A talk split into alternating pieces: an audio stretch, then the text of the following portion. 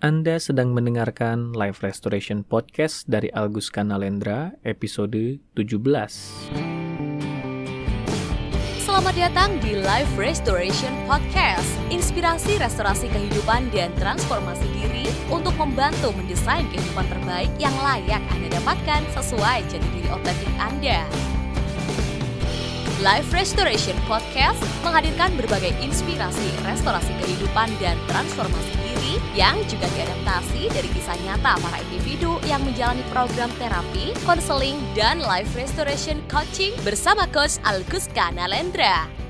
Halo para pendengar sekalian di mana pun Anda berada Seperti biasa semoga Anda sekalian selalu dalam kondisi sehat, berlimpah, dan bahagia Di mana pun Anda berada Berjumpa kembali di episode ke-17 Life Restoration Podcast untuk meneruskan apa yang sudah saya bahas di episode sebelumnya, yaitu langkah berdamai dengan shadow atau bagian gelap dalam diri yang menjadi biang kerok di balik berbagai jenis masalah perilaku yang seolah menggelapkan kehidupan seseorang.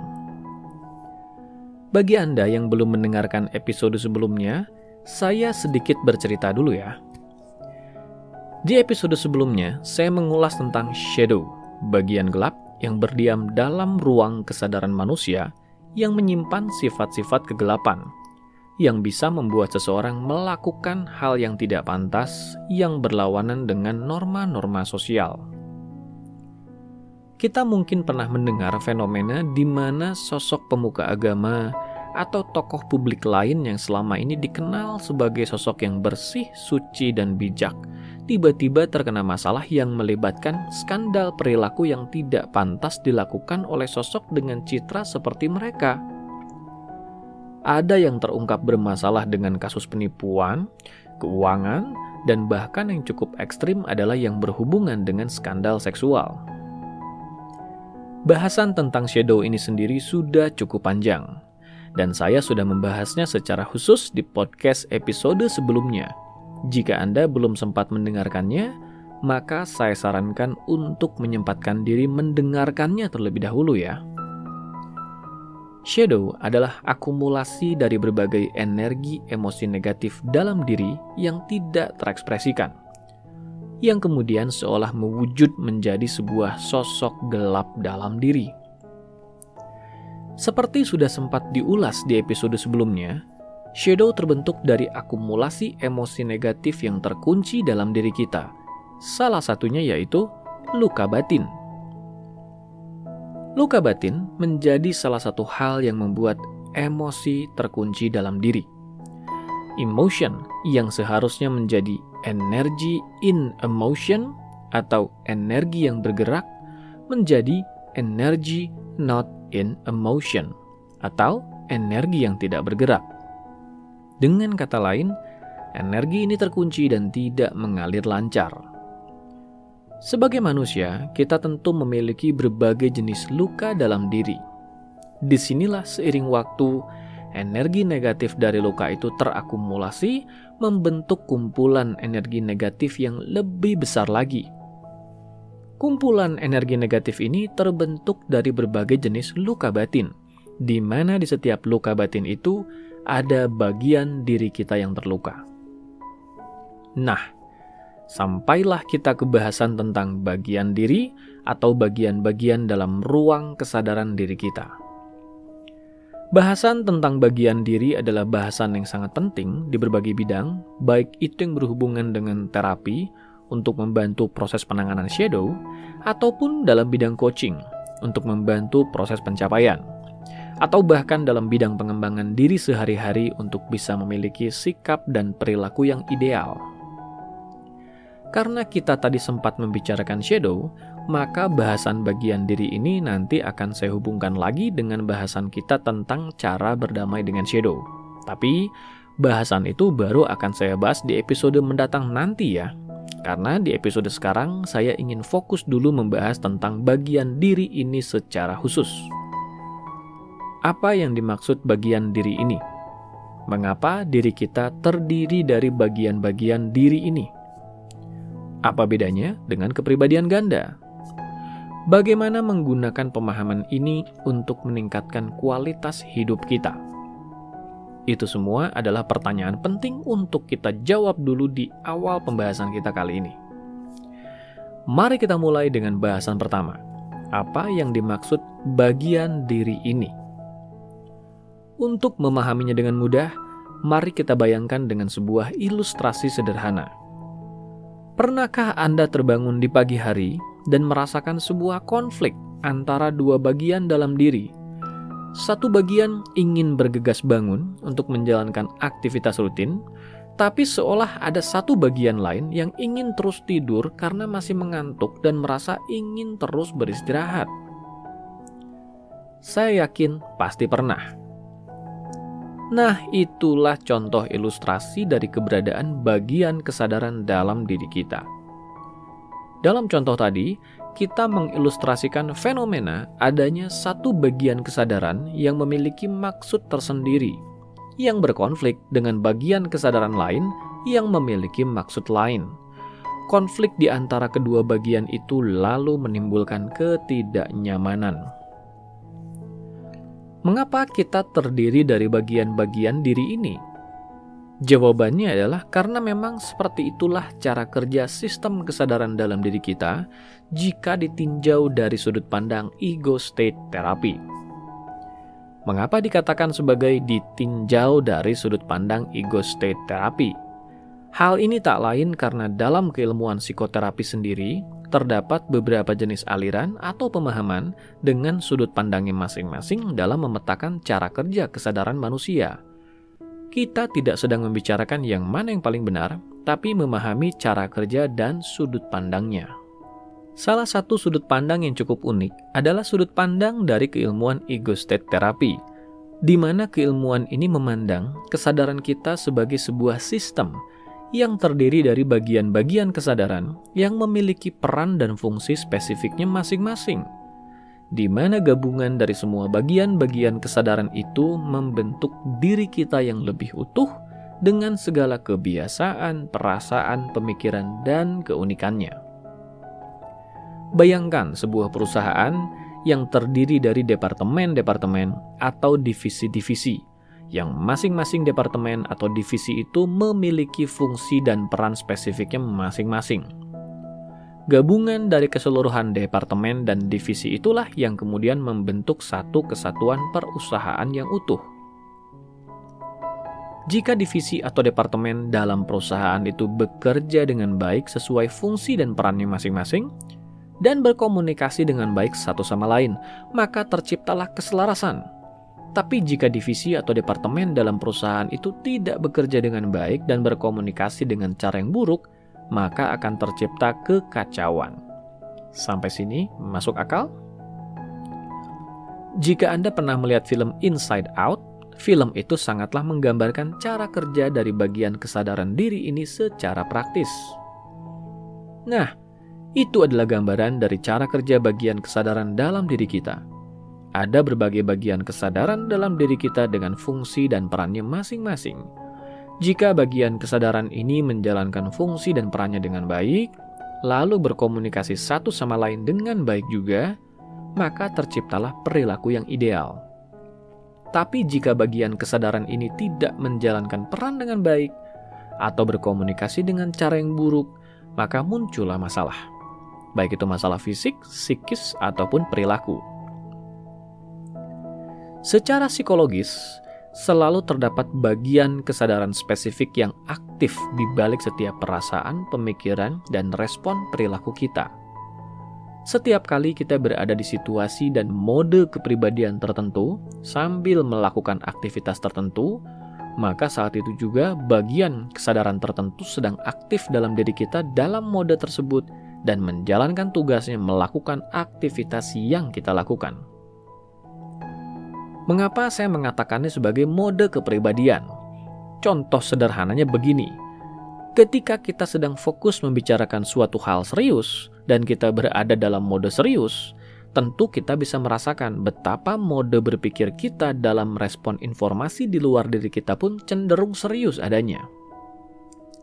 Namun begitu kita dalam mode santai, maka cara kita merespon dunia pun cenderung menjadi lebih santai adanya Seolah di dua situasi itu kita sedang menampilkan dua kebiasaan berpikir atau kepribadian yang berbeda.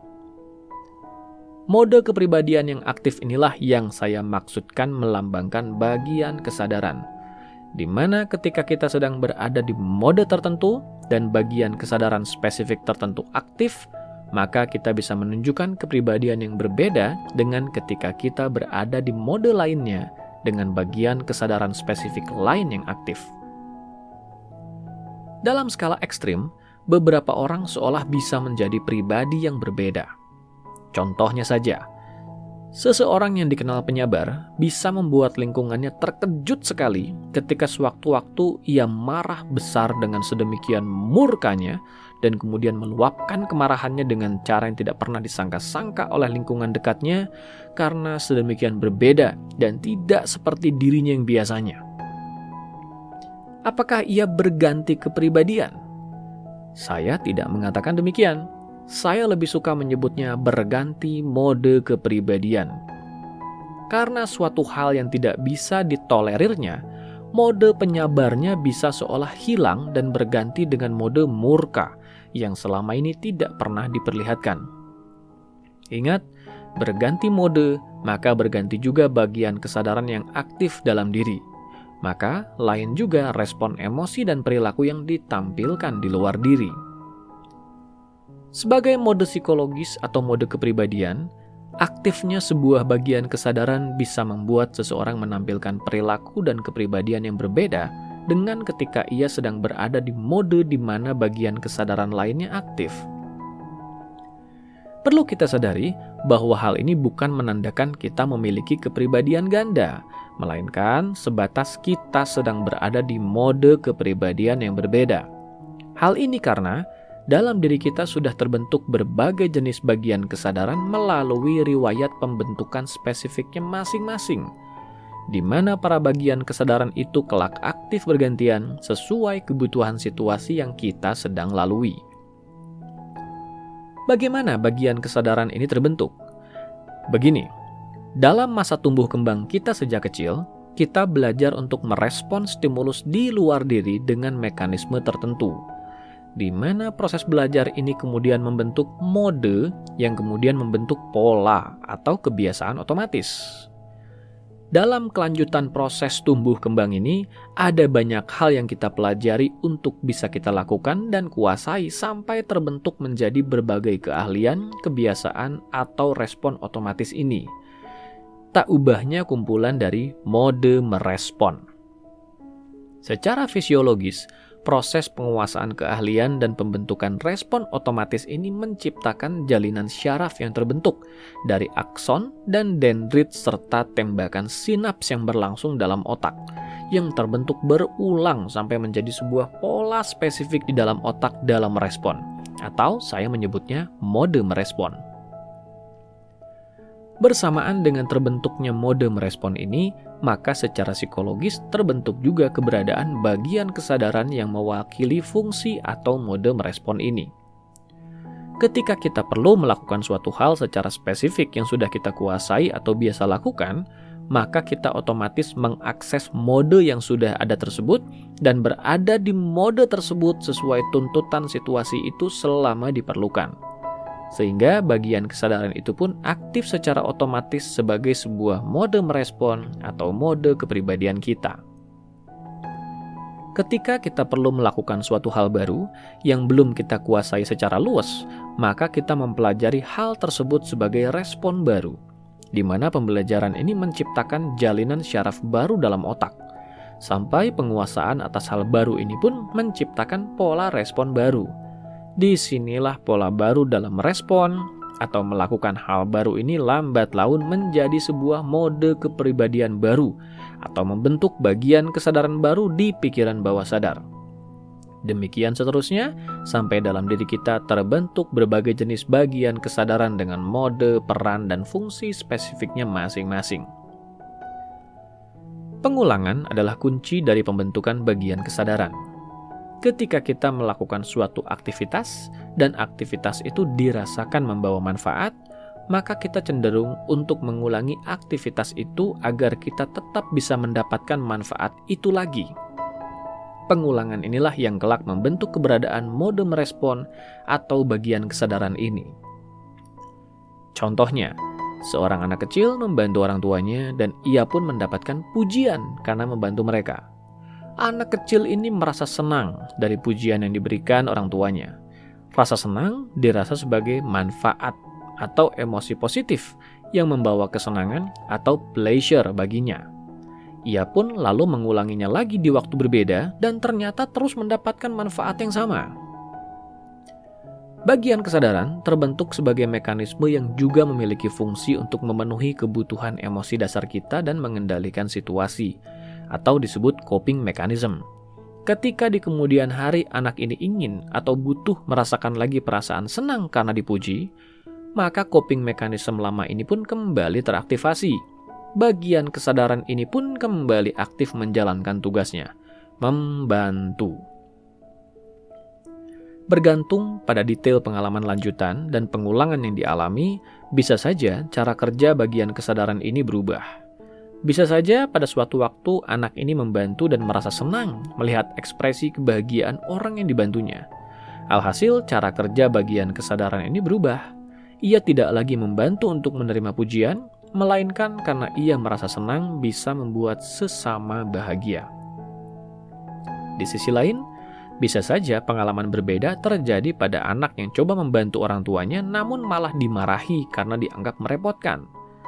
Rasa sedih karena dimarahi itu lalu membentuk bagian kesadaran yang menyimpulkan bahwa membantu itu sakit rasanya.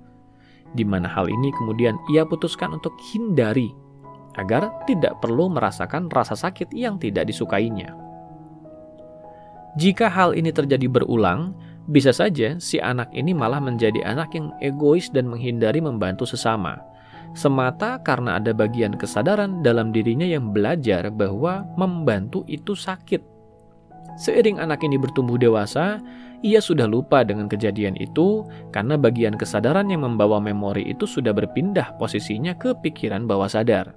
Namun, setiap kali ia dihadapkan dengan situasi yang memintanya untuk membantu sesama, maka bagian kesadaran yang sadar akan potensi bahaya dari rasa sakit itu aktif kembali ke pikiran sadar dan menjalankan coping mechanism untuk menghindarkannya dari rasa sakit. Ia pun lalu menghindari dan bahkan membenci aktivitas membantu sesama.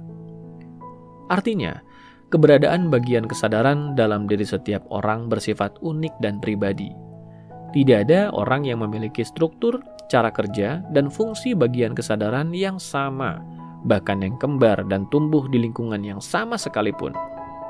Hal ini semata karena mekanisme yang dilakukan setiap orang dalam mengalami rangkaian pengalaman, memproses informasi, dan mengulang coping mekanisme spesifik yang kemudian membentuk keberadaan bagian kesadaran pasti selalu berbeda adanya. Sebagai mode merespon, dan mekanisme memenuhi tuntutan situasi atau coping mechanism, setiap bagian kesadaran idealnya aktif sesuai tugas spesifik dan fungsinya di situasi yang mensyaratkannya untuk tampil. Saat ini terjadi, maka seseorang akan berada dalam mode yang tepat dan mampu menampilkan respon emosi dan perilaku ideal sesuai dengan tuntutan situasi yang harus dipenuhinya. Namun demikian, dalam perkembangannya, selalu ada kemungkinan bagian kesadaran tertentu yang sedang aktif di suatu waktu dan tempat terluka akibat peristiwa tertentu yang tidak diduganya dan tidak bisa dihindarinya. Sampai bagian kesadaran ini merasa trauma karenanya atau luka batin. Ketika sedang mengalami kejadian yang bersifat traumatis, bagian kesadaran ini merasa tidak berdaya. Selepas kejadian itu berlalu, ia merasa trauma dan membawa luka akibat kejadian itu bersama kepribadiannya. Sudah saya bahas di episode-episode awal podcast ini, fungsi dari pikiran sadar adalah menyimpan memori jangka pendek, dan pikiran bawah sadar adalah menyimpan memori jangka panjang dan bahkan permanen. Seiring kejadian traumatis itu berlalu, maka bagian kesadaran yang membawa memori luka tadi mulai berpindah keberadaannya, beserta memori yang melekat dengannya ke pikiran bawah sadar. Dan kejadian itu pun perlahan kita lupakan secara sadar. Namun demikian, meski kejadian itu kita lupakan secara sadar, memori atas kejadian traumatis itu tidaklah hilang di pikiran bawah sadar. Ia tetap melekat pada bagian kesadaran yang menyimpan trauma tersebut dan tersimpan di pikiran bawah sadar. Akumulasi dari bagian kesadaran yang membawa luka dan mewujud menjadi satu bentuk energi psikis gelap inilah yang di episode sebelumnya kita kenal sebagai shadow. Dalam skala sederhana, bagian kesadaran yang terluka ini menjadi penyebab munculnya masalah emosional yang berhubungan dengan perasaan tidak berdaya. Salah satu fungsi dasar pikiran bawah sadar adalah fungsi perlindungan, yaitu menjauhkan kita dari hal-hal yang dianggap membahayakan maka meski secara sadar seseorang sudah tidak bisa lagi mengingat kejadian yang membuatnya trauma dulu, ketika di masa kini ia mengalami kembali kejadian yang bernuansa sejenis dengan kejadian yang membuatnya trauma dulu, maka bagian kesadaran yang menyimpan memori traumatis itu pun aktif kembali di masa kini dengan membawa trauma yang dulu pernah dialaminya. Memunculkan respon tidak berdaya yang sama dengan yang pernah dialaminya dulu meski pikiran sadar tidak memahami mengapa respon itu muncul. Inilah cikal bakal konflik internal. Aktifnya satu bagian kesadaran yang membawa luka di pikiran bawah sadar dan ingin menghindari sebuah situasi yang berkonflik dengan bagian kesadaran lain di pikiran sadar yang tidak tahu menahu apa yang terjadi dan tidak memahami apa yang terjadi. Tapi ia tahu bahwa tidak seharusnya ia merespon dengan cara demikian. Hal ini yang melatari berbagai masalah emosi, seperti kecemasan, ketakutan, fobia, dan sejenisnya. Ada bagian kesadaran dalam diri yang menyimpan trauma di pikiran bawah sadar atas situasi atau stimulus tertentu di masa lalu. Ketika di masa kini, stimulus atau situasi sejenis dialami, maka bagian kesadaran yang membawa trauma itu kemudian aktif dan mengambil alih respon diri berkonflik dengan bagian kesadaran lain yang ingin bisa menampilkan respon normal. Mari kita pahami dalam bentuk contoh. Sebut saja seorang anak sedang bermain dengan ceria. Ia sedang asyik bermain di halaman rumahnya, dan bagian kesadaran yang sedang aktif bermain pun menikmati suasana. Tiba-tiba seekor anjing masuk dan dengan liar menggonggong serta mengganggunya. Sampai-sampai si anak merasa takut sekali karenanya. Di tengah situasi yang dianggapnya mencekam itu, ia sungguh merasa tidak berdaya. Tepatnya, bagian kesadaran yang sedang aktif merasa tidak berdaya. Kejadian itu pun berlalu. Sang anak berangsur-angsur kembali tenang. Di awal-awal, ia masih sangat trauma dengan peristiwa itu. Namun, ia kemudian bisa kembali tenang dan bahkan melupakannya. Yang tidak boleh kita lupakan adalah bahwa meski secara sadar ia bisa melupakan kejadiannya, bagian kesadaran yang membawa trauma atas kejadian itu tidaklah hilang ia berpindah ke pikiran bawah sadar dengan membawa memori traumatis itu sebagaimana ia dulu mengalaminya. Alkisah, anak ini beranjak dewasa. Ia sedang berjalan di luar rumah, tiba-tiba ia mendengar suara gonggongan anjing. Bagian kesadaran yang dulu pernah aktif di situasi traumatisnya pun langsung aktif.